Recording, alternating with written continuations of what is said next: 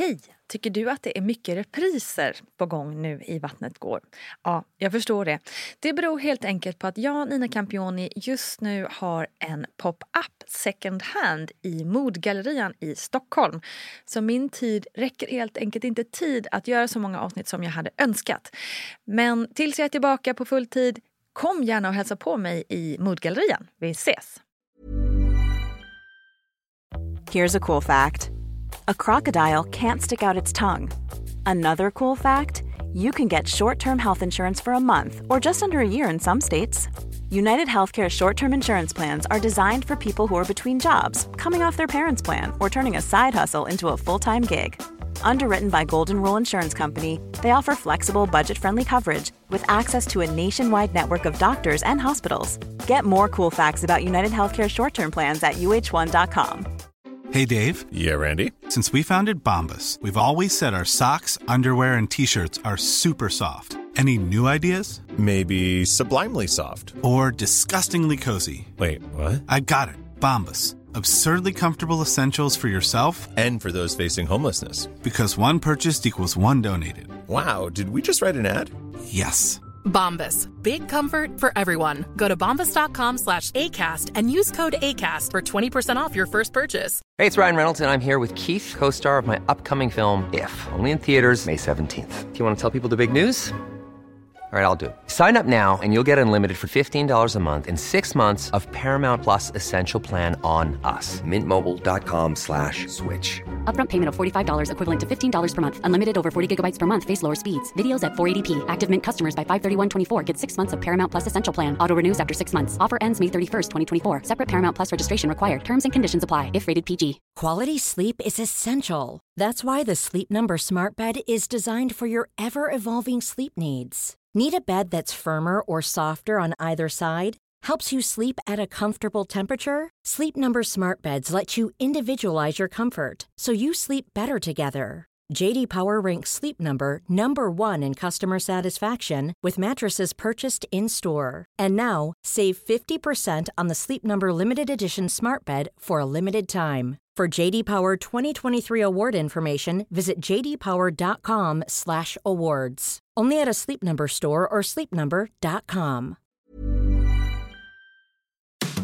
Nor och Henrik pratade om så här tjatsex och jämförde med att eh, deras barn, eh, Sami, blev ett tjatbarn. Och då sa det till min kille, så här, ja men vi har ju också ett tjatbarn. Han bara, nej vi har ett hotbarn.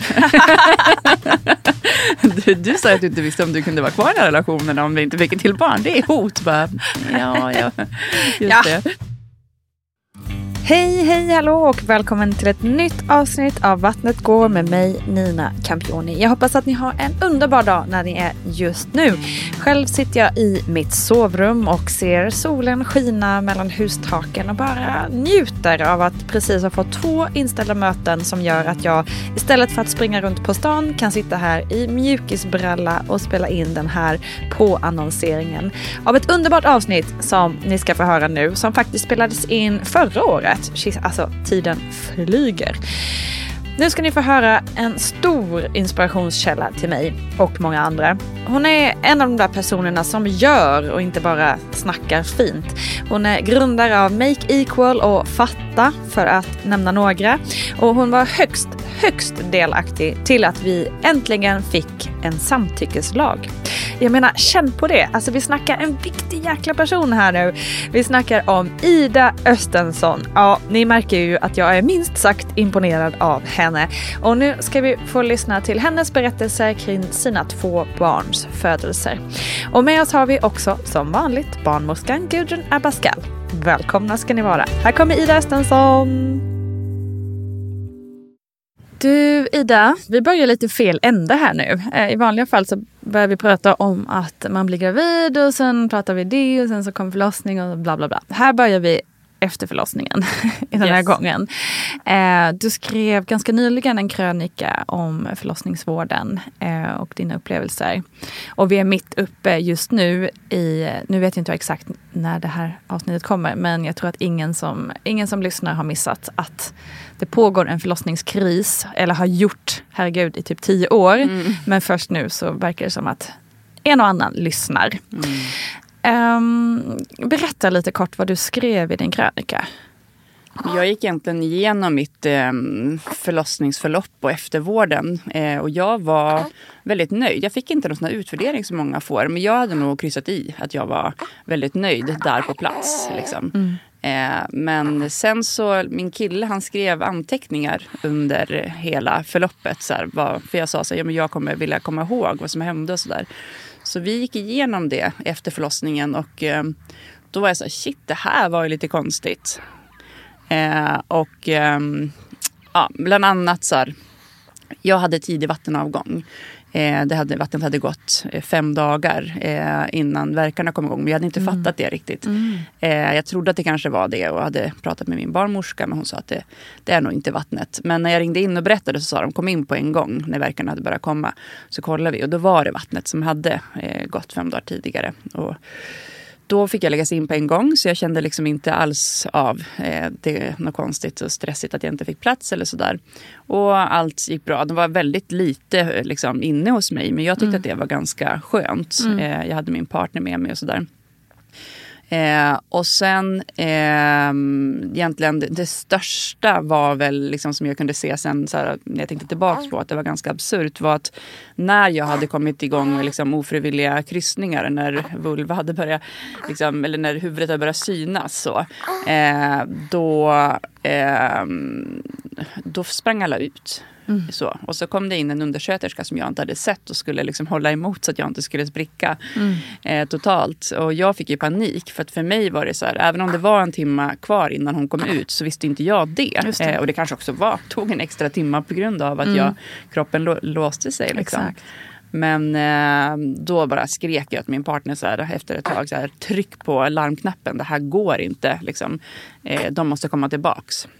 Och, och att jag inte tänkte på det där och då liksom när vi var efteråt att det var ett ganska stort trauma. Eh, säger så mycket att man är nöjd över att så här, jag lever, barnet lever. Så det var väl det största och första grejen. Eh, och sen angående suturering eh, hade jag bett att få information om. Eh, mycket information. Jag ville veta vad, vad har hänt där nere? Hur mycket har spruckit? Vart jag spruckit? Är det liksom mycket eller lite? Sådär. Och jag fick inte den informationen. De berättade lite grann under tiden de sydde men då har man ju liksom ja, träffat barnet precis och inte helt Exakt. närvarande efter 20 timmars förlossningsarbete. Nej, det är inte den tiden man ska få vital information. Nej. liksom. Så jag egentligen bad om det när vi kom till BB-hotellet. För det var då en, den här undersköterskan som var den som fick kolla emot. Hon lämnade oss på BB-hotellet. Så jag hann prata med henne och jag hann liksom be om ursäkt. För det kändes ju inte så schysst mot henne att skrika typ det här funkar inte, hon kan inte. Så, eh, så jag fick säga, be om ursäkt till henne. Hon sa också så jag förstår verkligen dig. Du hade, vi hade inte ens hunnit hälsa. Jag förstår Nej. att det inte kändes tryggt. Och det är inget kul för henne heller. Nej, såklart. Tänk att bli inkastad i en sån situation. Nej, och veta att det här inte är tryggt för Mm. den födande. Liksom. Men eh, då sa jag att jag skulle gärna vilja träffa hon som sydde eller få information om vad som har hänt. Liksom. Och det här var typ eh, två på natten när vi blev lämnade där. Eh, men det, och så frågade jag om det igen någon gång där sen. Eh, jag ringde för, för vi träffade egentligen ingen på BB-hotellet sen. Okej. Eh, utan vi var där själva. Jag skulle ringa in om jag hade lyckats kissa den natten. Eh, och sen fick vi ringa om det var så att det var brist på blöjor eller bindor. Och sen eh, fick vi träffa en läkare vid utskrivning. Och jag behövde vara där två dagar på grund av tidig vattenavgång. Att de inte visste om det skulle kunna bli infektion helt enkelt. Så jag blev inte erbjuden det här sex timmar, hemgång sex timmar efter förlossning som de också började prata om. Som jag tycker Precis. känns helt absurt. Liksom. Ja, ja, visst. Ja, så eftervården är ju, var Mm. ju, tyckte jag, alltså den lilla som var på BB-hotellet, sen är ju den fortsatt nu, Mm. liksom, får vi se hur eftervården är, men var ju fruktansvärd. Så jag behövde ringa två kompisar som jobbar som barnmorskor. Och så skickade jag min journal till dem och så fick de ringa upp på Facetime och eh, alltså. skicka bilder och förklara för mig vad som hade hänt. Det och det reagerade jag inte heller på på Nej. plats, utan jag bara sa, ja vad tur att jag känner två jätteduktiga Mm. barnmorskor som kan berätta för mig. Men det privilegiet ska man inte behöva ha för att Exakt. få veta vad som har hänt. Exakt. Liksom. Och det, vi reagerade ändå på att det var väldigt lite besök Mm. när vi var där. Min kille sa så här, shit vad gör vi ens här? Vi hade kunnat vara hemma och sen, vi bor precis bredvid SÖS. Liksom. Mm. Eh, så han var så här, vi kan ju bara gå hem och så går vi hit och träffar läkaren i sådana Mm. fall. Så här. Eh, ja. Och det, eh, när jag, förra gången jag födde för tre år sedan var det precis tvärtom. Då tyckte jag så här, de är inne varje timme. Ja, exakt. liksom. Så det har hänt väldigt mycket på de här tre åren. Mm, verkligen. Och även den tredje grejen jag kanske skulle kunna lyfta också är att på alla besök på MVC inför förlossning så ställer de alltid frågan så här, är det någonting som du undrar över eller sådär? Och min enda fråga alla gånger var hur ser det ut på SÖS nu? Kommer jag få plats? Och att det är det man ska Mm. börja fokusera på som en födande mamma. Det är, eller, det är liksom bara Det är så jävla sjukt. Jag, precis innan eh, vi kom in här till studion så lyssnade jag på Britta Parisas senaste avsnitt. Deras podd rekommenderar. Ehm, Världens och, bästa. ja exakt. Och då pratade de verkligen också om det här fenomenet som du är lite inne fenomenet, men det som du är lite inne på att vi kvinnor håller ju alltid ihop det. Mm. Det är därför det liksom har kunnat gå liksom så här långt också. Mm. Det är för jävligt, är för jävligt, är för jävligt, är för jävligt. Men vi fixar ju alltid biffen. Mm. Alltså, som du säger, man kan ha kanske en traumatisk upplevelse men man är ändå, äh, det, Mm. vi överlevde. Och så sopar man ihop det och så går man vidare. Mm. Och det är så barnmorskorna och undersköterskorna har jobbat i så, så många år Mm. nu. Slitit hårt, bränner ut sig. Men de fixar alltid, de fixar ändå det. Mm. Så därför kan ju politikerna bara, ja ja, Mm. Nu gnäller ni bara, liksom, i stort sett. Ehm, och det är det som är så det är det som är liksom både vår styr otroliga styrka Mm. eh, men också lite så här eh, våran, vad ska man säga? Men alltså det som gör att liksom att kanske inte folk lyssnar heller alltid. Mm. För att vi, vi sopar alltid undan för all, all jävla skit. Ja, men I liksom. samma podd så berättade de också om ett begrepp som heter kvinnlindning. Men det var inte i det sammanhanget tror jag. Men det tyckte jag också var så jäkla bra, så i Britta Parisas podd. Alltså att vi kvinnor, man brukar prata om mansplaining, att män berättar saker för mig som jag redan Just vet. Mm. Men att kvinnlindning är att män, kvinnor lindar in saker. Eh, och, och på något sätt tror jag att vi har liksom det är också någon form av så här, tacksamhet hela Mm. tiden. Att vi inte ska klaga för då ses vi som den här liksom, gnatkärringen. Jobbiga typ. jäveln, Ja. precis. Exakt. Men att vi måste sluta med äh, kvinnlindningen helt enkelt. Exakt. Men du har ju också eh, alltså, gjort sinnessjuka gärningar i, i det här spåret med jämställdhet och, och allting. Eh, Make Equal, Fatta, eh, många otroliga mm, organisationer och, och saker du har gjort. Utifrån ditt liksom, expertperspektiv också i de här ämnena. Vad, liksom, vad säger du om att det nu är så mycket kvinnor som går ut och pratar om förlossningsvården, sina upplevelser, men så få män. Varför blir det här en kvinnofråga? Ja, det är ju med allting som egentligen... Alltså jag, man vill ju inte att det ska, måste röra män för att de ska gå ut och prata om det. Liksom. Eh, men eh, i det här läget så rör det ju också män. Ja, exakt. Så det, det är det som är så absurt. Eh, och nej, men jag tror att män har inte liksom, eh, vokabulären för det, de har inte sammanhangen, de har inte forumen. Alltså, om jag bara kollar på jag och min superfeministiska kille, han är inte med i massa. Facebookgrupper, han lyssnar inte på massa poddar. Alltså, det är därför folk kan tycka att det är så här, när jag pratar om, jag håller på med en bok nu om jämställdhet i praktiken och så har jag gjort massa enkäter och grejer folk skicka in. Och så tog jag exempel från min egen vardag som, inte, som påverkar jämställdheten, att det blir ojämställt hos oss. Och då sa jag så här, vilka poddar vi lyssnar på och liksom, vad vi läser för böcker. Och folk bara, men vad fan spelar det för roll att ni har lite könsstereotypa intressen? Att jag lyssnar på tjejpoddar och han på killpoddar och kollar fotboll typ. Jo, för att mina poddar och de böcker jag lyssnar på och de grupper jag är med i pratar om sånt som rör familjen. Som rör liksom barnuppfostran, som rör förlossningsvård och politik som drabbar kvinnor och barn men också män som ju har gjort det där barnet till många gånger och som är med och ser det här under förlossningen. Som är de som ska kanske vara det där stödet, eller som måste ta den där platsen på grund av att vården inte kan ta den fullt ut. Nej, jag fattar faktiskt inte heller att det inte har blivit någon rage. Men jag tror att de har, har inte vokabulären, man är inte van vid det. De, folk, män måste bara börja göra det eh, och inte vara rädda för att få skit för att göra det. För det har vi kvinnor fått i alla tider. Liksom. Exakt. Toughen up säger vi lite till männen helt enkelt. Verkligen. Ut och säg din sanning. Grow some clit. Eh, Där har vi rubriken på avsnittet.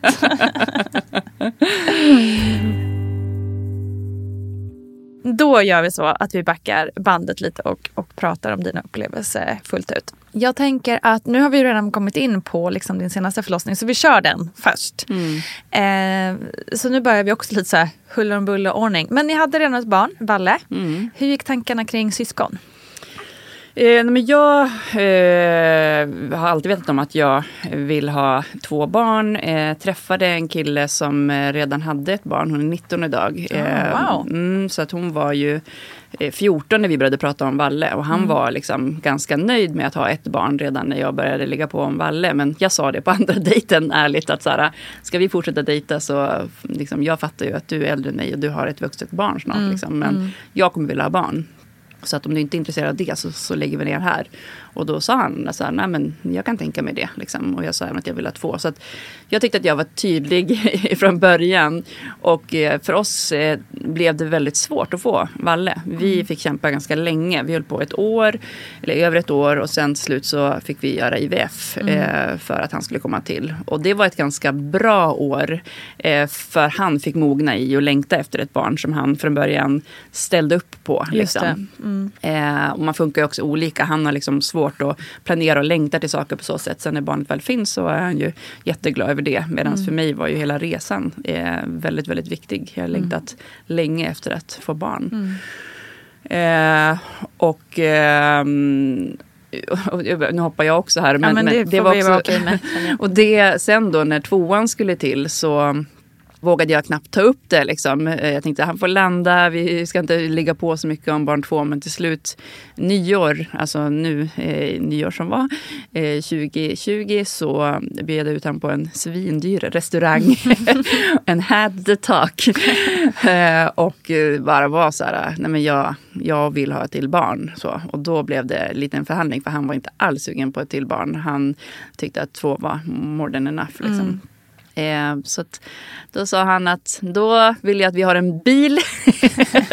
han kände inte att han ville ha det här med liksom, eh, som han själv hade gått igenom. Så här, en dotter som spelar innebandy, man får fråga föräldrar varje gång. Så här, mm. Kan hon åka med er? Typ. Mm. Alltså, det måste vara lite lätt, vi måste göra det lätt för oss i sådana fall. Eh, och att han eh, ville jobba deltid i sådana fall. Eh, så, så att vi hade lite sådana saker. Så hur ska vi få det att funka i sådana mm. fall? Eh, det är klart att det också påverkar med ålder hur mycket ork mm, man har. Liksom. Så, verkligen. Ehm. Men också fan vad fint ändå. Alltså, att man ändå hittar dem liksom, lite lösningsorienterande mm. ändå i det här. Att liksom också, tycker jag, hitta vad är det som är jobbigt mm. och liksom hitta lösningar på det. För det är inte alltid helt så jäkla lätt eh, att hitta det om man bara känner att det känns jobbigt. Liksom. Nej men verkligen och att jag då som också som du sa har gjort superduper mycket och liksom är en person som vill göra saker hela tiden. Han mm. sa men då måste du också känna att du vill fokusera på familj och mm, inte bara liksom springa iväg och rädda världen varje sekund Nej, under liksom dygnet utan också fokusera inåt. Mm. Och det var jag också väldigt sugen på att få gå in och för när man har ett barn, för att eh, hon som är 19 nu hon liksom har flyttat hemifrån och det är inte som att det är ett barn som tar kraft Nej. utan det är, hon är mer underlättar vårt liv. Exakt. Eh, det är lätt att fortsätta leva som man gör helt enkelt. Men med två barn så är det inte lätt att fortsätta leva som man har gjort. Utan då behöver man gå in i det. Och då sa jag, men jag är redo för det. Jag behövde liksom också bekräfta hans känslor i det. Eh, och sen eh, trodde vi då att det skulle vara samma kamp som med Valle. Eh, och vi hade två embryon kvar i mm. frysen eh, från den IVF-omgången med Valle. Så vi sa till sommaren så kan vi börja med, med insättning. Men vi slutar skydda oss. Mm. Eh, och så hann vi lägga en gång. och så blev Babs till. Och det är också någonstans att min kropp bara skrek Otroligt. efter det här. Ja. Ja. Men för fråga det, för det är ju också så intressant. För oftast kanske andra barnet kan vara lite så här strategiskt, alltså ålder, ja men si och så många år emellan eller så här. Men var det mer då, i och med att du säger att du ändå var sugen på att gå in i det här, kände du hur kände du i kroppen att det var så här, jag vill ha ett barn till? Kan, kan den känslan gå att beskriva? Nej, men det var ju en kombination av att så här, jag vill, så jag, vi, all vår semester spenderar vi liksom uppe i Västerbotten i stugan. Jag bara såg framför mig att Valle kommer bli en liten gubbe som springer runt där och bara får vara med vuxna jämt. Att så här, det underlättar också så jäkla mycket härligare för honom att ha ett mm. syskon. Och jag längtade eh, efter att jag älskade att vara gravid och jag ville mm. vara gravid igen. Mm. Och jag ville eh, testa att föda ett barn vaginalt om det gick. Och det fanns massa sådana tankar i mig. Mm. Liksom. För Valle snittades på grund av att han låg i säte. Ah, jag vet inte. Det, angående tid och hur lång tid, det var ju framförallt för att så här, min snubbe är 45, jag är 36, eh, vi har inte alltid i världen, det var svårt att få till Valle. Eh, så, så var mm. mer det. Och sen mm. blev det tre år mellan dem och det det tycker jag är ganska bra nu Mm. när vi har det så. Men, vad var känslan när du upptäckte att du faktiskt var gravid på liksom, naturlig väg så att säga? Nej men alltså jag fick, eh, jag trodde inte riktigt på det för att jag hade inte, liksom inte, det var inte ens vid ägglossning som, som vi låg enligt Alltså min superfertil Ja. Jag menar, eller så har vi bara gjort fel och räknat helt fel vid Mm. tidigare för nu var det tydligen det som var rätt så. Men, nej, men jag gick och betalade för privat ultraljud för att jag trodde inte på den där stickan liksom, eller andra stickan heller för den delen. Utan Nej, det är här, förståeligt om man kämpat kan det innan. vara så här liksom? Eh, och det, han går liksom två veckor över tid. Och så jag bara, men vänta nu, shit, jag har inte superbra koll på min mens. Jag, bara, jag skulle ha haft mens för ett tag sedan och började kolla i någon app. Och så här, ja, det skulle jag haft så. Och det var ganska sjukt för när vi kom dit då så eh, kollade hon och så såg hon så här, ah, såg jag på skärmen att det var två. Eh, jag bara, hon bara okej, har ni tvillingar i släkten? Så här, jag bara, alltså jag fick sån panik. För jag visste att så här, ett till var liksom more more than du enough. förhandlat fram? Exakt. men, eh, ja, men det var faktiskt roligt. Nor och Henrik pratade om så här, tjatsex och jämförde med att eh, deras barn, eh, Sami, blev ett tjatbarn. Mm. Och då sa det till min kille, så här, ja men vi har ju också ett tjatbarn. Han bara, nej vi har ett hotbarn. du, du sa att du inte visste om du kunde vara kvar i den här relationen om vi inte fick ett till barn. Det är hot. Bara, ja, ja, just Ja. det. Ja, det beror väl på hur man ser det. Ehm, ja, nej, men då så kollade hon i första, då sa hon så ja men vi ser om de lever båda liksom. Men det brukar de oftast göra. Så gick hon in i första och sa, ja det här är ett barn i. Så. Eh, och så gick hon in i andra och så bara, nej här har det inte blivit något barn. Eh, det är ganska ovanligt typ. Eh, men du har släppt två ägg. Eh, ja. Min kropp ville verkligen Alltså, bli otroligt sugen. Exakt. Så jag skickade faktiskt en bild. Jag sa att jag måste få fota av det här. Alltså jag är så jävla evil. Så skickade jag till min kille bilden. Det var så jätte två så bara. Eh, älskling, få inte panik. De lever i alla fall. Ring när du kan. Han ringde upp och bara, vad säger du, vad säger du, vad säger du? Jag såg bara framför mig abort liksom, när det var två. För det, Ja. det kommer liksom inte Ja. gå med Ja. tvillingar och Ja. liksom, storebror och stora syster och nej. Vad sa han då? Eller, han, eller berättade du ganska snabbt att det bara... Nej men grejen var att jag skratt, han, han är, det är en, så här, en grej hos mig som är väldigt oskärmigt. Att när det är typ när de berättar att någon typ har dött så kan jag typ börja skratta. Alltså det är så här Ja, det är reflex. liksom- alltså ja, det är så vidrigt. Mm. Så att han visste ju också att det var en hemsk situation för mig om det skulle vara två. För det var inte alls det vi ville. Eh, och, eh, så jag bara skrattade, skrattade, skrattade så jag grät när han Ja. ringde. Så han visste ju inte, är det för att du skämtar eller är det för att Just du tycker det. att det här är så absurt så att du skrattar. Han Just bara, det. sluta skratta, säg bara! Typ, är det två? Ljuger du?" För det stod i mitt personnummer alltså, det hade varit väldigt svårt att fejka den där bilden. Mm. Så, ja.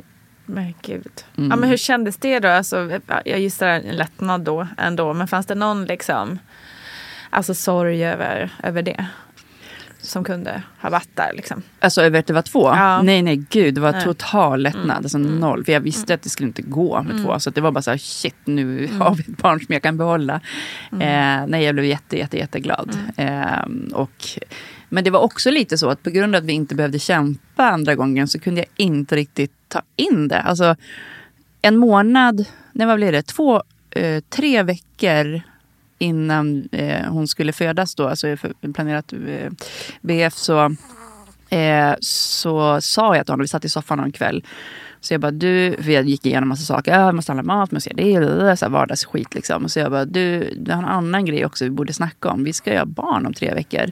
Vi kanske borde börja snacka om det. Typ. Alltså, det var verkligen inte alls som första. Då var jag så inne i min graviditet. Mm. Jag kände allt. Jag lyssnade på liksom alla poddar. Jag var bara helt inne i det här. Liksom. Men den här gången så var det som att så här, shit, det bara kom där och bara växte. Och livet sprang på. Och lillebrorsan och allt. Mm. Eller, eller storebrorsan. Jo, vi gjorde lista. Liksom, så här, på måndag gör vi det. På tisdag gör vi det. På onsdag hämtar vi upp kläderna. På torsdag Mm. fixar vi sängarna. Typ. Och det sista jag hade kvar på listan var ehm, Eh, jo men att jag skulle göra matlådor och baka typ kakor. eh, för det gjorde jag förra gången. Att det Ja. var så skönt att så här, första tiden så hade jag, så här, jag hade gjort typ 50 matlådor så jag inte laga någon Wow. mat. Och när Mm. folk skulle komma på besök. Som jag trodde folk skulle kunna Mm. göra. Jag visste inte att det var Det RS skit. eh, att man bara har hembak typ. Eh, och eh, det var till tio, jag höll på tio timmar till tio på kvällen med att göra de här Wow. matlådorna. Eh, Shit, och sen, imponerande. och då skulle jag ha två veckor kvar där jag skulle bara softa och skriva på min bok och vara så här, ta det, ta det lugnt. Men då, tre på natten. Eh, sluta baka och laga mat vid tio. Tre på Nej. natten började verkarna. Åh, så vi hann liksom precis helt i mål. slut efter all matlagning. Nej, det var ganska lugnt. Jag såg på alla avsnitt av en timme i minuten typ också för att så här, psykologiskt gå in i att så här, shit, jag ska... Förra gången gick jag kurser och Mm, profylax och läste Hur född utan rädsla. Alltså, jag hade inte gjort något sånt den här gången. Liksom. Sjukt. Det fanns ju heller inga föräldrakurser den här Nej, gången. precis. Det fanns ingenting. Liksom. Det var väl också, men det jag tänker också att, liksom att vara gravid under en pandemi, att det blir liksom en helt annan, för jag känner ju alltså bara över pandemiåren att det har varit någon slags eh, det är liksom ett hål där. Det är så mycket som har hänt som man inte har förstått har hänt. Mm. Eh, folk har fått barn, folk har gift sig, skilt sig, allt sånt där. Man bara, så är det nu- sig. Ja men exakt och så bara kommer man ur den här nu och plötsligt bara jaha, men du lever ja. Just det, Mm. du har också, alltså en sån konstig, det är som ett void liksom. Ja, folk visste ju inte att jag var Nej. gravid. För att Nej. jag hade bara suttit alltså, på jobbgrejer. Jag hade suttit på Skype-möten typ, eller Zoom-möten. Så de visste inte vad tusan. När jag helt plötsligt eh, sa att jag hade fått barn. Typ, va? Var du gravid? Exakt. Det är liksom både kanske skönt för en del men lite sorgligt för en del också att man inte får vara den här uppburna gravida kvinnan som spatserar. Får Liksom. gå runt där med sin snygga mage. Ja. Alltså jag har aldrig känt mig så snygg som... Mm. Åtminstone första graviditeten kände jag mig väldigt snygg. Inte alls lika mycket under andra. Även om jag såg typ exakt likadan ut. Eh, men jag kände mig som en gudinna och jag kände som att min kropp för första gången hade hamnat rätt. Så Mm. att, så här, jag har haft jättemycket problem med rygg och nacke och, så här, och allt det bara försvann Jaha, under okej. graviditeten. Intressant. Folk brukar få tvärtom men Ja, jag fick så här, precis. jätte, det var Wow. jättebra för mig. Mm.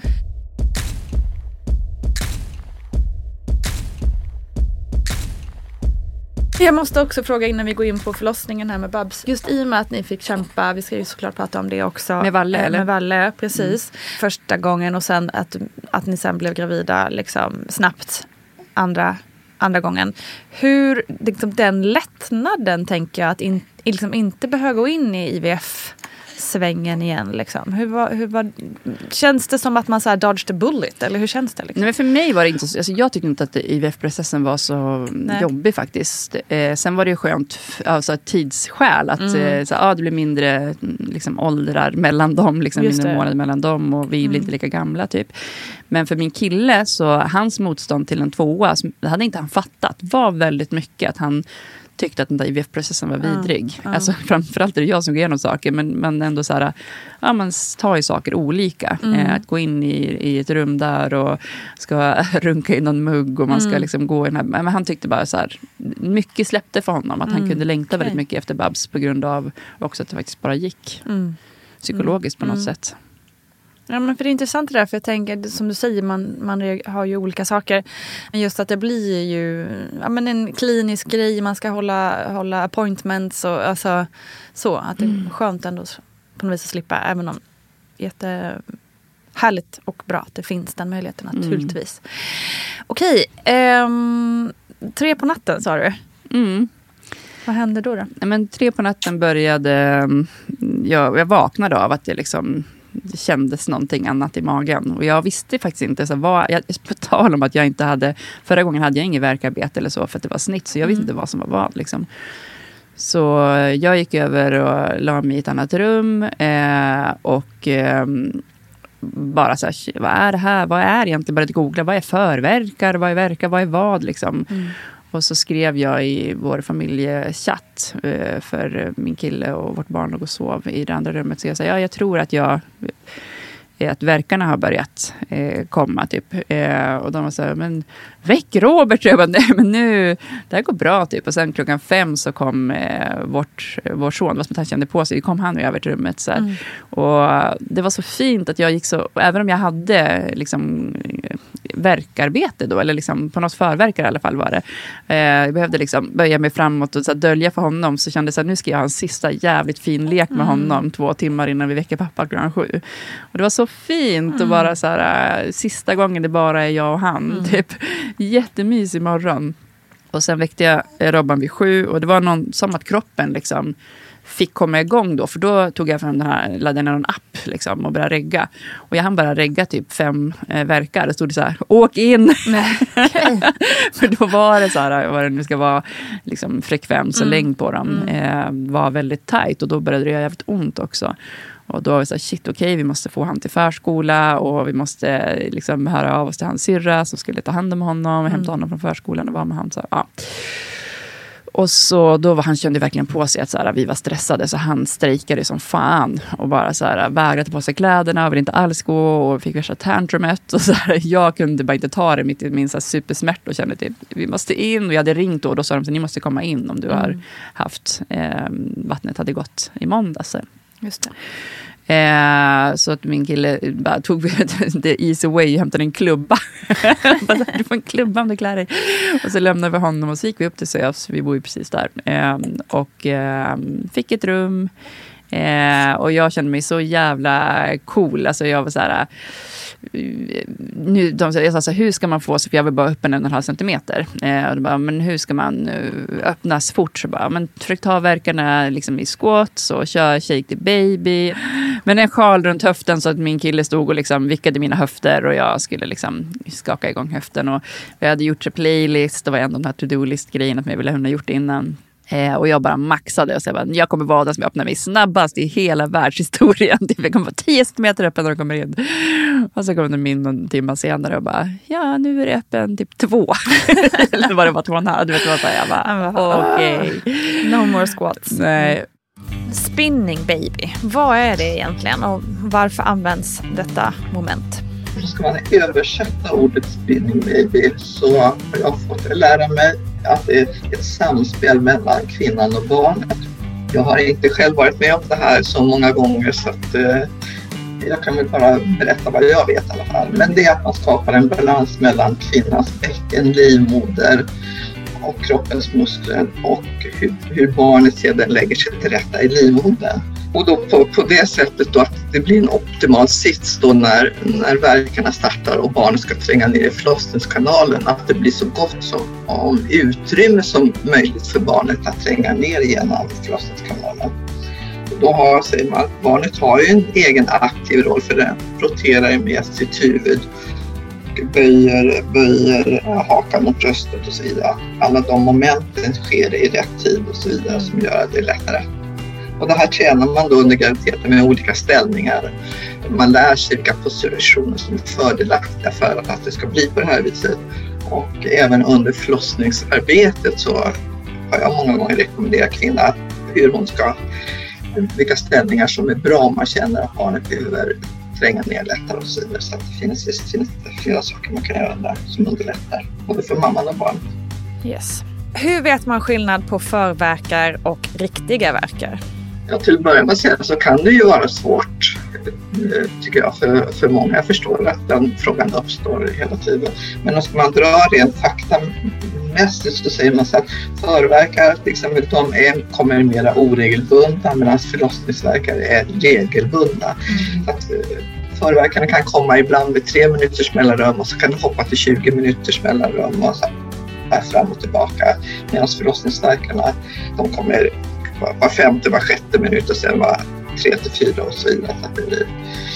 Förverkarna förändras inte så mycket i styrka utan det, det känns likadant medan förlossningsverkarna de kommer tätare och de blir längre och så blir de mer intensiva. Just det. Och eh, förverkar ofta så känns det mer fram till och, och eh, förlossningsverkarna mer ryggen så att det finns mera sådana här saker att gå på. Likadant så förlossningsverkarna så brukar ju också så småningom förknippas med att det kommer en liten så kallade täckningsblödning, att man får en blödning. Det får man inte ha förverkar. Det kan slemproppen kan gå men det är ingen täckningsblödning. Om vi repeterar det här också igen då. När bör jag åka in? Alltså vilken frekvens är det nu på verkarna som, som visar att nu är det dags? Nu, nu, nu blir det lite i gasen här så här. Ja, vadå? Hur tänker du då när du ställer den frågan? Nej, för jag tycker att det måste vara kvinnan själv som, som bestämmer att nu, nu tycker jag att de kommer så pass tätt. Jag känner mig att eh, det gör så pass ont så jag vill få, få hjälp med smärtan eller jag känner att jag vill att man får lite kontroll över barnet. Jag vill veta hur långt jag kommit i förlossningsarbetet tycker jag ska gå. Annars visst så står det också, vi pratar mera om då auktoritet täta verkarna ska vara för att man kommer till den aktiva fasen Mm. av förlossningsarbete. Och då när man går in i den aktiva fasen, det är väl då som vi eh, som arbetar med det här tycker att då är det dags att komma in, alltså att man inte är kvar i latensfasen. Och då säger man så här att det ska vara tre verkar på tio minuter, de ska sitta i 60 sekunder om jag är förstföderska och jag är omföderska så att de kommer på var femte minut och sitter i 60 sekunder. Men det här tycker jag, eh, gå, våga lita på, på din egen känsla och känn efter så, så är jag säker på att det, så, eh, att det går bra. Och så länge man är trygg hemma så var hemma, men känner man sig inte trygg hemma då, då tar man kontakt och så kommer man in och får stöd i det. Klokt. One size fits all seems like a good idea for clothes until you try them on. Same goes for healthcare. That's why United Healthcare offers flexible, budget friendly coverage for medical, vision, dental, and more. Learn more at uh1.com. Hold up. What was that? Boring. No flavor. That was as bad as those leftovers you ate all week. Kiki Palmer here, and it's time to say hello to something fresh and guilt-free. Hello Fresh. Jazz up dinner with pecan-crusted chicken or garlic butter shrimp scampi. Now that's music to my mouth. Hello Fresh. Let's get this dinner party started. Discover all the delicious possibilities at hellofresh.com. Here's a cool fact a crocodile can't stick out its tongue. Another cool fact you can get short term health insurance for a month or just under a year in some states. United Healthcare short term insurance plans are designed for people who are between jobs, coming off their parents' plan, or turning a side hustle into a full time gig. Underwritten by Golden Rule Insurance Company, they offer flexible, budget friendly coverage with access to a nationwide network of doctors and hospitals. Get more cool facts about United Healthcare short term plans at uh1.com. Hey, it's Ryan Reynolds, and I'm here with Keith, co star of my upcoming film, If, only in theaters, May 17th. Do you want to tell people the big news? All right, I'll do it. Sign up now and you'll get unlimited for $15 a month in six months of Paramount Plus Essential Plan on us. Mintmobile.com slash switch. Upfront payment of $45 equivalent to $15 per month. Unlimited over 40 gigabytes per month. Face lower speeds. Videos at 480p. Active Mint customers by 531.24 get six months of Paramount Plus Essential Plan. Auto renews after six months. Offer ends May 31st, 2024. Separate Paramount Plus registration required. Terms and conditions apply if rated PG. Hiring for your small business? If you're not looking for professionals on LinkedIn, you're looking in the wrong place. That's like looking for your car keys in a fish tank. LinkedIn helps you hire professionals you can't find anywhere else, even those who aren't actively searching for a new job but might be open to the perfect role. In a given month, over 70% of LinkedIn users don't even visit other leading job sites. So start looking in the right place. With LinkedIn, you can hire professionals like a professional. Post your free job on linkedin.com slash achieve today. Men då började det eh, efter ett tag, då när jag var tre eller något, känna, så jag tyckte det gjorde ont. Och då fick jag eh, ligga i, då var jag inte så jävla peppig och körde inte på happy playlist längre utan körde med den lugna och la mig i ett badkar. Jag la mig faktiskt och lyssnade på Britta Prisas podd i Ja, badkaret. härligt. Kom inte ihåg ett skit av det avsnittet. Och bara låg och gjorde så här, "Åh", min kille spelade in någon av mina, du vet man låter som ett, ja, Mm. vet inte vad. Men eh, det, det var mysigt och vi hade med sig ljusslinga och hade liksom jag är så glad att vi fick badkar, för det fanns inte alla rum. Eh, Och jag älskade att bada och hade Mm. verkligen... Om jag inte behövde välja mellan epidural och badkar så hade jag fött i badet. Men epiduralen Oh, gick wow. före. Jag hade verkligen Ah. velat föda i vatten. Ehm, men... ehm, Ja, och sen så hade jag bett tidigt och skrivit i förlossningsbrevet att jag ville ha infart för epidural tidigt. För att jag hade hört att det kan ta så himla lång tid Mm. för, för en att få det. Eh, så jag hade fått det och sen sa jag typ, men vad, vad är grejen? Varför ska man vänta med epidural egentligen? De bara, nej, det finns ingen riktig anledning. Så jag bara, men jag har hört att, man kan, att det kan stanna upp processen. De bara, nej, det finns liksom ingen belägg för det riktigt. Så här. Jag bara, men varför ska vi inte ta epidural nu då? Så de bara, nej, men du kan få det. Och jag var glad att jag sa det relativt tidigt innan jag hade superont. För då, det tog tid. Det tog någon timme innan de kom. och, Eh, Det gjorde det, ja. ja. Mm. Och eh, det var väl den värsta tiden där, innan Mm. de kom. Liksom. Då kände jag mig inte jättekaxig. Ehm, och eh, min kille berättade som att jag hade liksom varit några timmar helt innesluten i mig själv med liksom stängda ögon och bara liksom tog verkarna eh, inåt själv tyst. eh, till att när jag fick epiduralen så bara öppnade jag ögonen och jag började gråta. Alltså jag var av lättnad och lycka och bara vad är det här typ? Vad ska vi se Ja. för serie? Jag känner ju ingenting. och då fick jag sova en och en halv timme. Det var så skönt. Ehm, och sen eh, kom de efter en och en halv timme och tänkte jag nu var skönt, nu kommer jag öppnat mig. Och då hade jag stannat. Mm, du hade det. Ja. Mm.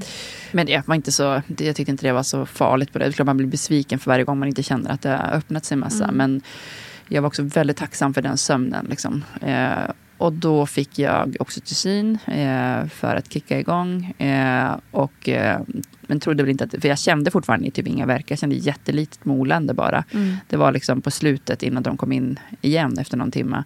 Och det var så det var. Vi var själv några timmar, sen kom de in. Vi var liksom ofta, det var inte som man har hört förr i tiden, att det sitter någon där och tar alla kamper med en hela tiden. Eh, men då från att jag var öppen 5 cm när de gav mig oxytocin till att jag var öppen 9,5. och bara, Nu är du snart helt öppen. Nu får du börja liksom röra på dig och byta ställning. Och, så här. och det var så sjukt att jag inte hade känt något. Mm. Alltså, de första 5 cm var liksom ganska jobbiga. Mm. Och sen de här 4,5 Plötsligt, var liksom. ingenting. Så. Ja. Då blev jag skitglad och hjälppeppad. Och bara, nu Mm. kör vi! Typ. Mm. Och började gråta av lycka. Och sen, ja men ganska nära in på det sen, jag hade liksom ställt mig på alla fyra från liggande liksom, över sängen och sådär. Så, och de började se liksom, eh, skalpen i, i vulvan. Så, eh, I vulvan, eller sin medicinskt. Ja. Eh, så eh, behövde de ju springa ut. Och då hade jag också börjat få Mm. så, här, uh, så här, ofrivilliga kryssningar. Liksom. Eh, Och då var det, för att det hade gått något larm antagligen då Ja, det var något akut liksom. larm. Ja. Något som var mer akut. Det var ju någon Och- annan Men du som... fick ingen information då, utan var bara akuta ut? Liksom. Ja, nej. Fy fan. Och min kille fick inte heller det. Mm. Eh, vi visste inte hur länge han var borta eller varför han var borta Mm. eller någonting. Liksom. Mm. Eller var jag i, liksom, Mm. i kristfas? Skulle de komma nu eller vart Exakt. var jag? Så och det är var, det här som är så jävla sjukt. Mm. För det är ju också, alltså no, no shame för personalen, absolut inte. Eh, men att det ska vara så här. Mm. Alltså att det är ju helt sinnessjukt. För, men som, för jag hade lite samma upplevelse med SÖS, eh, jag var också på SÖS, um, hypernöjd. Eh, men också liksom, ja, men i öppningsskedet då var man lite själv och vi kollade lite Mm. på tv. Då var det ju mysigt att vara då, tyckte jag, då uppskattade jag att vi ändå fick lite privacy och att det var Mm. lugnt där. Att det inte Mm. satt någon där hela tiden och kollade. Men när det är liksom action i Ja. rummet, då ska alltså, det måste vara Ja, en barnmorska, en kvinna eller en Mm. födande. Mm. Det bara måste vara så. så här, det kan inte få gå till så här. nej. Det är helt sinnessjukt. Nej, det är verkligen Sjukt, helt sinnessjukt. Och jag brinner för de här frågorna och jag har varit med Mm. och talat på konferenser om jämlik vård och allting. Och ändå var jag som Mm. att jag inte fattade att det där var absurt förrän Mm. jag satt och läste igenom min killes anteckningar. Mm. För vi skulle dela med familjen liksom, förlossningsberättelsen. Och så bara, vad fan var det där? Jag hade Mm. liksom helt förträngt det. Exakt. Och jag var ju skiträdd. Och jag, nej, det var verkligen, jag blev verkligen grov i munnen. Ja, men och det är det som också är ett sånt jävla systemfel. För att det, fan, alltså, när man är själv mitt i förlossning, det, man har inte, det finns ingen möjlighet att man själv då kan liksom säga ursäkta, stopp här nu, nu ska vi, alltså så här, man har inte den, alltså man är så inne eller man ska vara så inne i sin egen förlossning och i sin kropp att man inte ens behöver märka vilka som är Nej. där. Utan det här ska ju, sys- systemet ska täcka det här. Det ska vara, liksom, det ska finnas. mm. Man ska inte behöva tänka. Nej. Och det var ju också så att jag hade tre olika team. Eh, så hon eh, som var på team två som ändå hade gått igenom den värsta, krist, eller den värsta verkan, inte krist, men verkarna med. Liksom. Eh, hon precis när huvudet började synas där då, alltså, för det var ett helt nytt team som hade kommit in. Så de han bara var där typ fem minuter innan de sprang ut på det här akutlarmet. Eh, och jag sa till henne bara nej du måste stanna. Och, så, och jag fattar ju deras arbetstider och att det inte funkar. Men det är också så här, precis när jag blivit trygg med henne och jag ska liksom ut med barnet, då kommer ett helt nytt team in. Med så här fyra pers. Liksom. Ja. Nej, de har fruktansvärda förhållanden och liksom jag mm, har spridit och, och deras krav och liknande. Och just det här med att de också ska skola in ny personal på arbetstid. Eh, när det, liksom, för så var det ju. Det var ju alltid en Exakt. student med som Mm. de skulle lära. Mm. Och liksom jag bara kände liksom, the tension in the room. Att de var liksom stressade och skulle lära någon ny. Mm. Och hur det ser ut, att de inte får någon, någon ersättning för det. Mm. Och att man inte får ersättning för obekväm arbetstid. Och att de ska ha den här stressen och själva behöva... Alltså det måste ju vara vidrigt att lämna en födande i det akuta Alltså, det är så tillståndet. så att Vad är det för ord. arbetsmiljö? Liksom? Exakt. Vansinnigt. Och sen så kom eh, de in och då gick vi sen in i själva utfödandet av barnet. Och, eh, jag kände mig väldigt trygg. Jag tog eh, lustgas ända in till slutet och liksom krystade på lustgasen. Mm. Och, eh, jag hade liksom inte tänkt igenom någonting. Vad, kan man göra det? Vad är bra eller dåligt med det? Utan jag bara litade på dem där. Men, nej, men det går bra. Känns det bra för dig så gör det. Liksom. Mm. Eh, och jag blev aldrig borta eller så av lustgaser. Utan jag tyckte bara att det var så bra. Och kände mig trygg i liksom, deras coachande i att hon skulle, hur jag skulle göra och när jag skulle stanna upp och när jag skulle trycka på och sådär. Och sen ehm, ja, så fick jag känna på huvudet när det började liksom komma där. Och så kom huvudet ut och så fick jag vänta. Jag låg på sidan. Och sen så kom kroppen ut. Det, var, det är en sån sjuk känsla. Mm. Alltså det är liksom omänskligt, fast så mänskligt. Men bara så här, brup, Mm. kommer det ut liksom en hel... Och så kom den upp på mitt eh, bröst. Det var, ja, det var väldigt mäktigt. Det var som, som jag hade velat. Liksom. Allt det Mm. där andra var ju som jag hade velat. Det var därför jag också var så tacksam, tror jag. Mm. Att, så hon skrek på en gång, hon tog bröst på en gång. Allt var fint och bra. Eh, vi var glada. Ja, men vi fick liksom våra mackor med Mm, paprika på. det. Trots allt, trots alla nedskärningar. Ja, paprikan Mm. är kvar. Ja, nej, men, eh, paprikan får gärna ryka om de får bättre arbetsvillkor. Och att vi får, Exakt. liksom, Hellre fler barnmorskor än paprikor. Ja, verkligen. Ja, och det är väl också lite det här man kanske måste säga också. Jag tänker, för jag vill, vi vill, jag vill ju inte på något sätt att ni som är gravida och lyssnar ska bli uppskrämda och känna än mer oro för att åka in och föda. Ehm, Det går ju eh, oftast väldigt, väldigt bra. Mm. Ehm, Men det är så himla viktigt att vi inte liksom eh, viker ner oss nu. Nej, vi måste ju kunna måste- prata om det här, Exakt. även om folk faktiskt blir... Ja, klart jag var också rolig, annars skulle inte jag frågat varje gång Nej. hur det ser ut på SÖS. Liksom.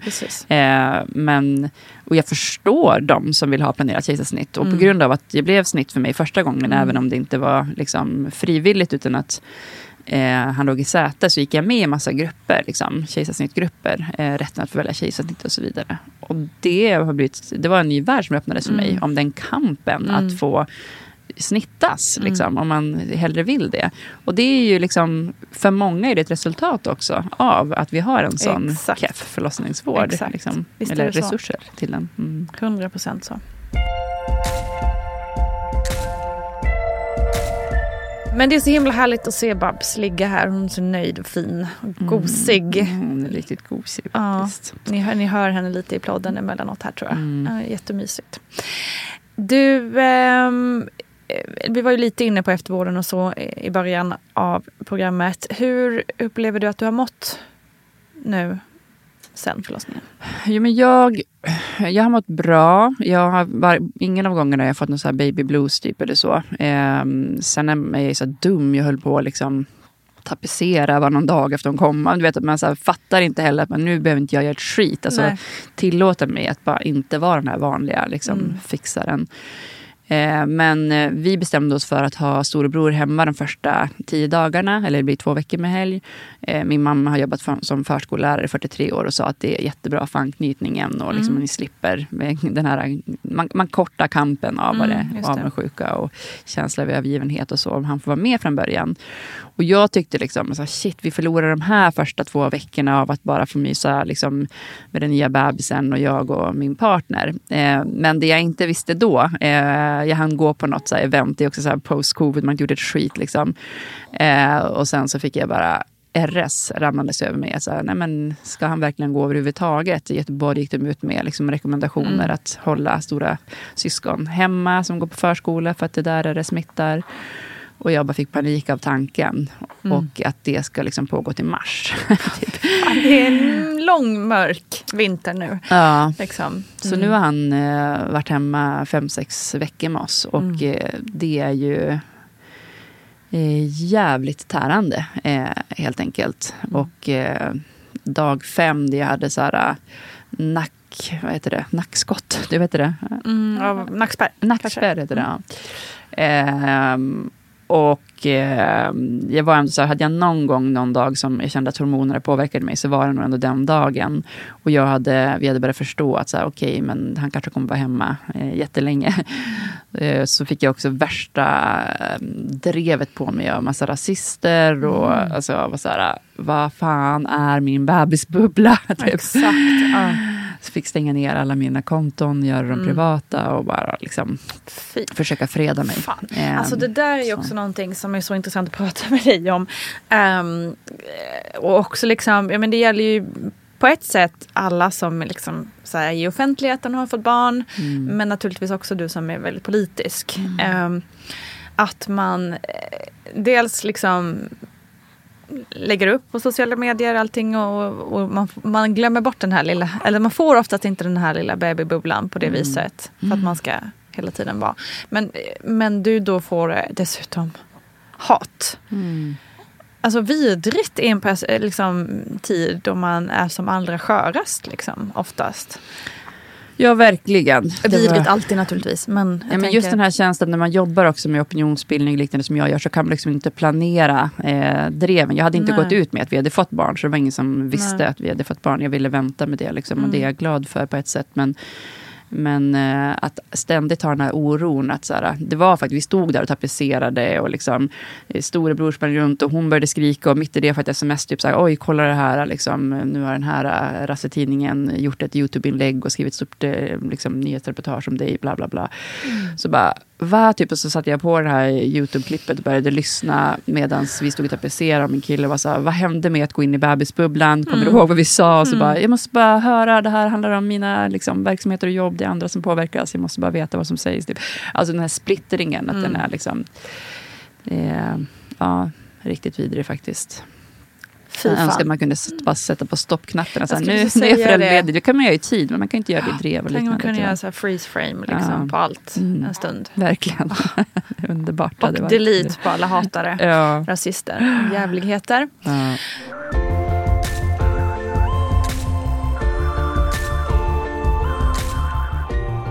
Eh, vi pratade lite om Valle där. Vi måste ju prata om, eh, om hur han kom till världen också såklart. Mm. Ehm, du upptäckte att det inte var så lätt som du hade trott. Nej, vi var väldigt kaxiga. För jag hade varit gravid innan och gjort abort. Och han har ett barn och hade liksom också varit med om andra graviditeter som inte blev fullgångna. Och så där, men att vi ändå var så kaxiga. Att så här, Vi Mm. kommer ju bli gravida på första månaden. Bara så jävla självförtroende i allt. Så bara, nej, inte första, inte andra, inte tredje, inte fjärde. Och bara, what the fuck. Så redan vid fjärde var jag så här, shit, vi måste kolla upp om det är något fel. Typ. Och så jag Mm. började bli orolig. Ah, gud, det finns så mycket att berätta om den där resan. Jag hamnade i en gång. Jag visste heller inte så här, hur kollar man upp, liksom, vart gör man sådana här Mm. undersökningar? Och gick till så här, gyn, eh, Hornstull, var någon så här litet hål i väggen typ.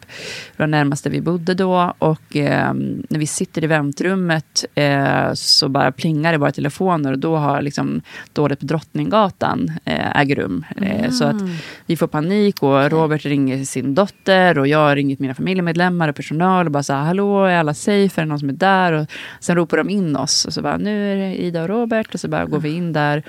Och då är det den första människan vi möter. Så vi bara, har du hört om liksom, att det det. är, en, det är en lastbil som har kört över människor på Drottninggatan? Typ. Och då den här mannen som jobbar där så var det så här, ja, Nej men eh, det är det jag säger och alltid har sagt att eh, vi kan liksom inte ha, det finns en bomb i varje moské och bara drar Fantastiskt. massa rassegrejer. Jag bara ursäkta vad säger du liksom? Mm. Och han bara nej men jag är själv uppvuxen som eh, liksom muslim och jag vet hur det är och det var verkligen så här så rasistisk. Och, jag- och sen så bara okej jag är skit, jag vill ha barn, vi har fått den här tiden. Ska den här rassen upp och kolla mig i underlivet Mm. nu? Så bara Ja, typ han får göra det för jag vill inte vänta längre och stå i någon ny kö och kolla upp. Alltså bara, ja, det var så absurt och sen skulle vi gå hem och man skulle låsa in sig och liksom, ja, det var så jävla konstig tid. Men, Mm. ehm, och sen gick vi tillbaka en tillgång till honom och då visade det sig att jag hade någon, ehm, eh, ja, men någon vattenfylld cyst, cysta liksom, Okej. på ena ägg. Så då behövde jag vänta till efter sommaren. Alltså du vet, bara så här, Mm. fördröjde, fördröjde, Mm. fördröjde. Tills jag sket i honom och bara hörde av mig till Sofia-hemmet. Och så gick allt smooth efter det helt Mm. enkelt. Mm. Eh, och sen trodde jag att det skulle vara jättelång tid på att få göra IVF. De snackar ju om att man kunde betala privat typ 65 000 för Mm, att gå före det. kön. Och när man är så där desperat, jag bara vi tar alla sparpengar och gör det här. Typ. Ja. Min kille bara så här, vi kanske ska kolla upp kön först och se hur lång kö det är. Typ. Och då var det så här, vårdvalet, vi fick fyra, fem olika ställen vi kunde ringa. Och sen så ringde jag. Eh, på, ja, den första var liksom ett halvår, andra ringde och sa nej men vi har ingen kö nu. Så att, när är det mens nästa gång? Typ, ja, men nu till helgen. Typ, ja, men, ja, då kan du komma in på måndag. Typ. Så det var på en gång. Och sen Mm. funkade det eh, första eh, insättningen. Så Fantastiskt. vi hade ju jättelätt när vi väl Mm. kom in och började med IVF. Mm. Och så var det som jag sa en fantastisk graviditet Mm. och kände mig som den vackraste på, och mest lyckliga på hela, vär- hela jorden. Mm. Eh, och sen upptäckte vi då sent att han eh, låg i säte. De hade trott att han hade fixerat sig med huvudet neråt, men det hade han inte. Så då fick vi göra vändningsförsök och han Mm. Låg där han låg. Han ville absolut inte vända sig. Han tyckte det var gött. Det känns som att jag gör politik av allt i mitt privatliv. Men har man de här glasögonen så är det ju så. Det privata är politiskt och så Mm. vidare. Men då försökte de övertala mig till att föda i säte. Mm. Eh, för att de ville behålla den specialistkompetensen på SÖS. Och det blev jag jävligt provocerad över. Ja, och bara ja, så här, ja. nej jag vill inte det, jag kommer inte göra det. Och de var så här, men du har bra höftmått och du verkar vara smärttålig och vi skulle gärna vilja det. Och det skulle vara schysst för sjukvården. Typ att du hjälper till med det jag här. ställer typ. upp. Jag är försökskanin. Ja, och jag var såhär, nej. För att, alltså, det är ju typ bara om det är SÖS och typ Lund eller någonting som, som överhuvudtaget gör det med förstagångsföderskor. Ja, nu ska vi se. Vi har ju pratat om det här i något avsnitt eh, med Roxanna Bauer. Eh, får man gärna lyssna på. Som födde i Sätet. I Säte. Eh, nu minns jag faktiskt inte vilken. av- för hon var dessutom själv barnmorska. Mm. Jag kan inte lova med mitt minne eh, eftersom det här är tre år sedan vi spelade in. Eh, exakt vilket, vilken förlossningsavdelning hon jobbar på. Men lyssna gärna på det avsnittet. För SÖS vet jag att de har den där specialistkompetensen Mm. i alla fall. Men eh, sen så sa jag nej. Sen var det ändå när vi liksom skulle gå att jag fick den här flyern till mig. Liksom, och jag bara demonstrativt kastade den i papperskorgen. Och, eh, skrev ett inlägg liksom, eh, Mm. om att så här, det här är inte okej. liksom. eh, om man inte hade kunnat stå på sig som jag, utan kände så här, men behöver de det så kanske jag ska gå med på det. Liksom. det. Men man måste ju vilja. Jag vet ju folk som vill gärna föda i säte. Det finns en patientlag liksom. Mm, verkligen. Som eh, är, ger dig rätt att, att liksom tacka ja eller nej till Mm. vård. Mm. Nej, jag har bara hört vidriga saker om det runt Mm. min familj. Liksom, folk som varit med om det. I och för sig förr i tiden när Mm. man inte visste att barn låg och säte och så vidare. Men jag var noll sugen på det. Och Mm. jag såg inte det som något nederlag att, att snittas. Alltså, jag har en stark snittnorm runt mig. Alltså, Robert, då, eh, hans dotter, första barn eh, snittades och alla de syskonen har snittat sina barn. Och, eh, bara så här, ja men bra. Alltså, Mm. Det är jag- också ett sätt att föda. Ja, eh, jag är liksom ingen va- vaginal eh, fascist. Utan så här, eh, för mig är det också naturligt. Mm. Eh, för att det, det funkar och vi har de, den kompetensen. Liksom. Mm. Det är mycket i samhället som vi tidigare gjorde med våra muskler och kroppar som vi har verktyg och maskiner till idag. På Precis. samma sätt så är det här naturligt att föda med snitt om det Mm. eh, blir bäst att önskas. Så ja, vi fick då en planerad tid. Det var ingenting jag behövde kämpa för mer än att säga nej några gånger där. Eh, Några gånger ändå. Ja, exakt. Vi måste ändå Ja, kämpa lite, lite, för det. mer. Mm. Ja. Eh, och eh, det var så skönt bara att så här, veta att så här, okej, vi hinner göra ordning, vet exakt vilken dag och tid, vi kan gå och lägga oss i tid, vakna pigg. Vi skulle snittas, eh, vi, eller han kom ut klockan 12.12. 12. Min, mitt turnummer är 12. det var väldigt fint. Perfekt. Eh, ja, och ett helt team som jag visste skulle vara där hela tiden med mig. Och det enda jag tyckte var inte superbra var att det var inte så mycket information vad som skedde bakom skynket. Jag hade skrivit i förlossningsbrevet om det gick skulle jag gärna vilja se. Eh, Mm. Men det tillåts inte. Och sen hade jag några andra önskningar. Att jag ville att de skulle stoppa in en tub i mitt underliv för att samla på liksom, eh, rätt bak- bakteriekultur. Mm, det. och, ehm, och det gick de med på. Och ehm, ja, sen eh, så jag, jag sa bara så här, vad är det som händer nu? För jag kände att så här, nu borde väl han kommit ut. Det något som har hänt? Typ, och jag sa så, hallå vad händer? Så bara, nej men nu nu eh, är vi i den här fasen. För jag fick inte fråga efter vad de gjorde. För jag blev så orolig. Ja, där skulle man ju klart önska att de säger. Nu Ja, gör vi det här. nu skär vi första här, laget, nu är det andra Ja, laget. Men det var liksom tyst och jag låg där och bara, okej, ja, vad det hände är där bak? Liksom. Mm. Ehm, och sen hörde jag bara så här suget och att de drog upp honom ur magen. Um, och så kom han och jag var också... Jag, jag, kände väldigt mycket större lycka ska jag säga när han kom upp på bröstet än när Babs kom upp på bröstet. Och jag tror att det absolut har att göra med att jag var helt utvilad och mm. närvarande. Och liksom, mm. Efter en, att varit vaken två dygn och kämpat 20 timmar med att liksom, föda ut ett barn.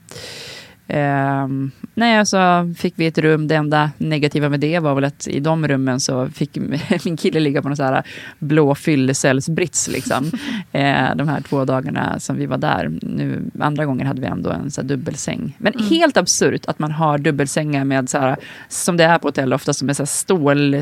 Alltså du vet att det är inte en madrass. Om barnet ska ligga i mitten. Mm. Det är liksom två sängar ja, med träribbor i mitten. Liksom. Så man ska typ försöka göra någon och lägga ovanpå ja. liksom, av handdukar typ. Ja, Inte men, så anpassat efter nej, newborn. Mm. Nej, exakt. Men, eh, nej, men det var, jag tyckte det var jättebra och jag har verkligen varit en förespråkare för snitt. Så hade mm. det blivit det omgång två så hade jag varit nöjd med det också. Liksom. Mm. Vad fint. Ja, det, det är ändå, jag kan ändå verkligen uppskatta berättelser där man fått med, varit med om båda. Mm. För att man får uh, en fin förståelse för mm. hur, uh, hur det kan upplevas på olika sätt. Mm. Uh, och att det faktiskt är, som du är inne på, en förlossning. Mm. Oavsett mm. hur den gått till. Eh, det tycker jag är viktigt att påminna om ibland när det snackas om kejsarsnitt. Det är ja. också en förlossning. Ja, och, men trots att båda är förlossningar och jag tycker båda ska kallas för naturliga förlossningar och så vidare så är det ändå att man räknas som första gångs vaginalföderska skulle jag vilja säga. För man säger första gångs föderska räknas man som. Man är första gångs vaginalföderska mm. andra gången mm. utifrån eh, vad det innebär. Liksom. Mm. Eh, så just det att de var inne varje timma eh, de två dygnen när jag hade fått första barnet genom snitt Eh, men ingenting Nej. andra gången. Det, eh, det tycker jag, ja, med tanke på att så här, men jag hade inte liksom, blivit sydd i underlivet första gången. Jag hade gärna velat ha någon som kom mm. in och liksom kollade till att mm. jag mådde bra och liksom frågade hur det var. Och så här. Exakt. Ytterligare bevis på att förlossningsvården är underbemannad. Något ja. så inåt djävulskt. Ja. Det var någon receptionist som kom in. När vi ringde ja. så ville vi ställa frågor när de också kom in med blöjor. Bara, nej, jag vet ingenting. Jag är jag bara jobbar administrativ, administrativ. Det var verkligen liksom, business. Liksom. Mm. Det var inte alls som det var första gången. Nej.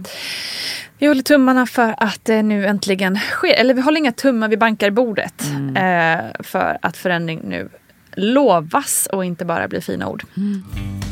I Idas fall så hade hon hört att man fick följa med kejsarsnittet via skärm när man ligger där på britsen.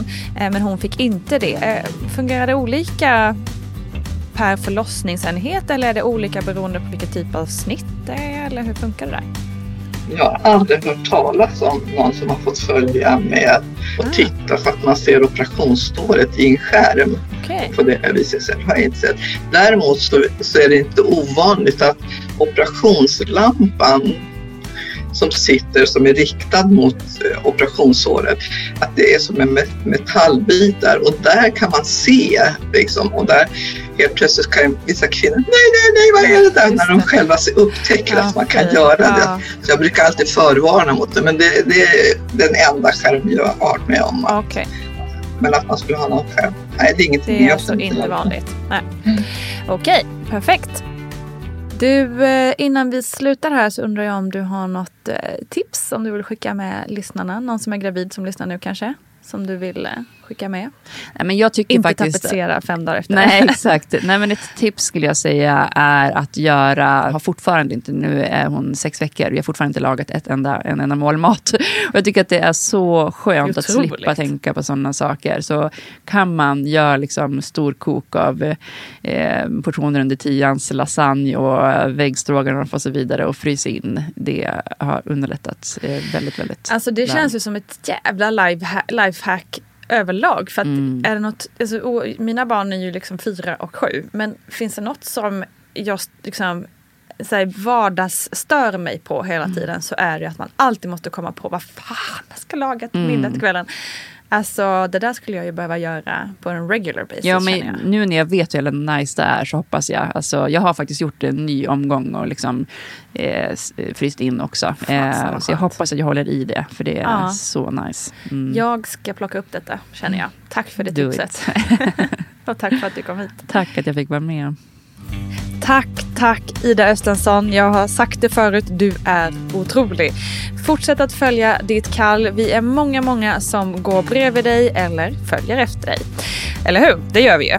Tack också till dig som har lyssnat. Du är också helt jäkla fantastisk och du har också en otrolig styrka inom dig. Bara så att du vet. Nu tackar vi för idag, men vi hörs ju alldeles, alldeles snart. Kram, hej då! Glöm inte VG på Instagram som bok, som mammagrupp på FB som bok... Och glöm inte VG på... Och glöm inte Vattnet går på Instagram som bok och som mammagrupp på Facebook och så vidare och så vidare och så vidare. Så puss, kram, hej!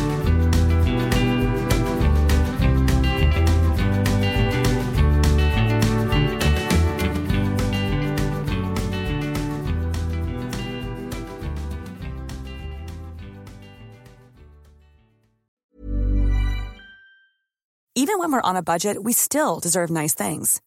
Quince is a place to scoop up stunning high-end goods for 50 to 80% less than similar brands. They have buttery soft cashmere sweaters starting at $50, luxurious Italian leather bags, and so much more. Plus, Quince only works with factories that use safe, ethical, and responsible manufacturing. Get the high-end goods you'll love without the high price tag with Quince. Go to quince.com/style for free shipping and 365-day returns. Hey, it's Paige DeSorbo from Giggly Squad. High quality fashion without the price tag. Say hello to Quince. I'm snagging high-end essentials like cozy cashmere sweaters, sleek leather jackets, fine jewelry, and so much more. With Quince being 50 to 80% less than similar brands. And they partner with factories that prioritize safe, ethical, and responsible manufacturing. I love that. Luxury quality within reach. Go to quince.com slash style to get free shipping and 365 day returns on your next order. Quince.com slash style. Imagine the softest sheets you've ever felt. Now imagine them getting even softer over time. That's what you'll feel with Bowl and Branch's organic cotton sheets. In a recent customer survey, 96% replied that Bowl and Branch sheets get softer with every wash. Start getting your best night's sleep in these sheets that get softer and softer for years to come. Try their sheets with a 30-night guarantee. Plus, get 15% off your first order at bowlandbranch.com. Code BUTTERY. Exclusions apply. See site for details. Hi, I'm Daniel, founder of Pretty Litter. Cats and cat owners deserve better than any old-fashioned litter. That's why I teamed up with scientists and veterinarians to create Pretty Litter. Its innovative crystal formula has superior odor control and weighs up to 80% less than clay litter. Pretty Litter even monitors health by changing colors to help detect early signs of potential illness. It's the world's smartest kitty litter. Go to prettylitter.com and use code ACAST for 20% off your first order and a free cat toy. Terms and conditions apply. See site for details.